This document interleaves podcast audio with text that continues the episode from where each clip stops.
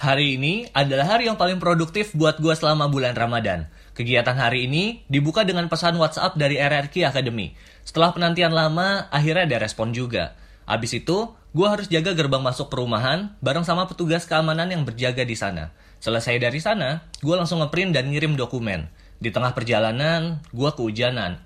Lumayan bikin basah pakaian, tapi yang terpenting, dokumennya aman dan bisa selamat sampai tujuan. Pas mau bayar pengiriman, gue dikasih diskon sama Oma. Yang tadi 18 ribu, jadi cuman bayar 15 ribu.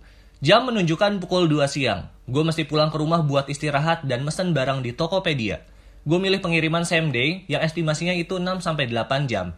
Dan gue udah ngitung kalau sampai pasti pas malam hari. Taunya, semua barang pesanan gue sampai di jam setengah 4 sore.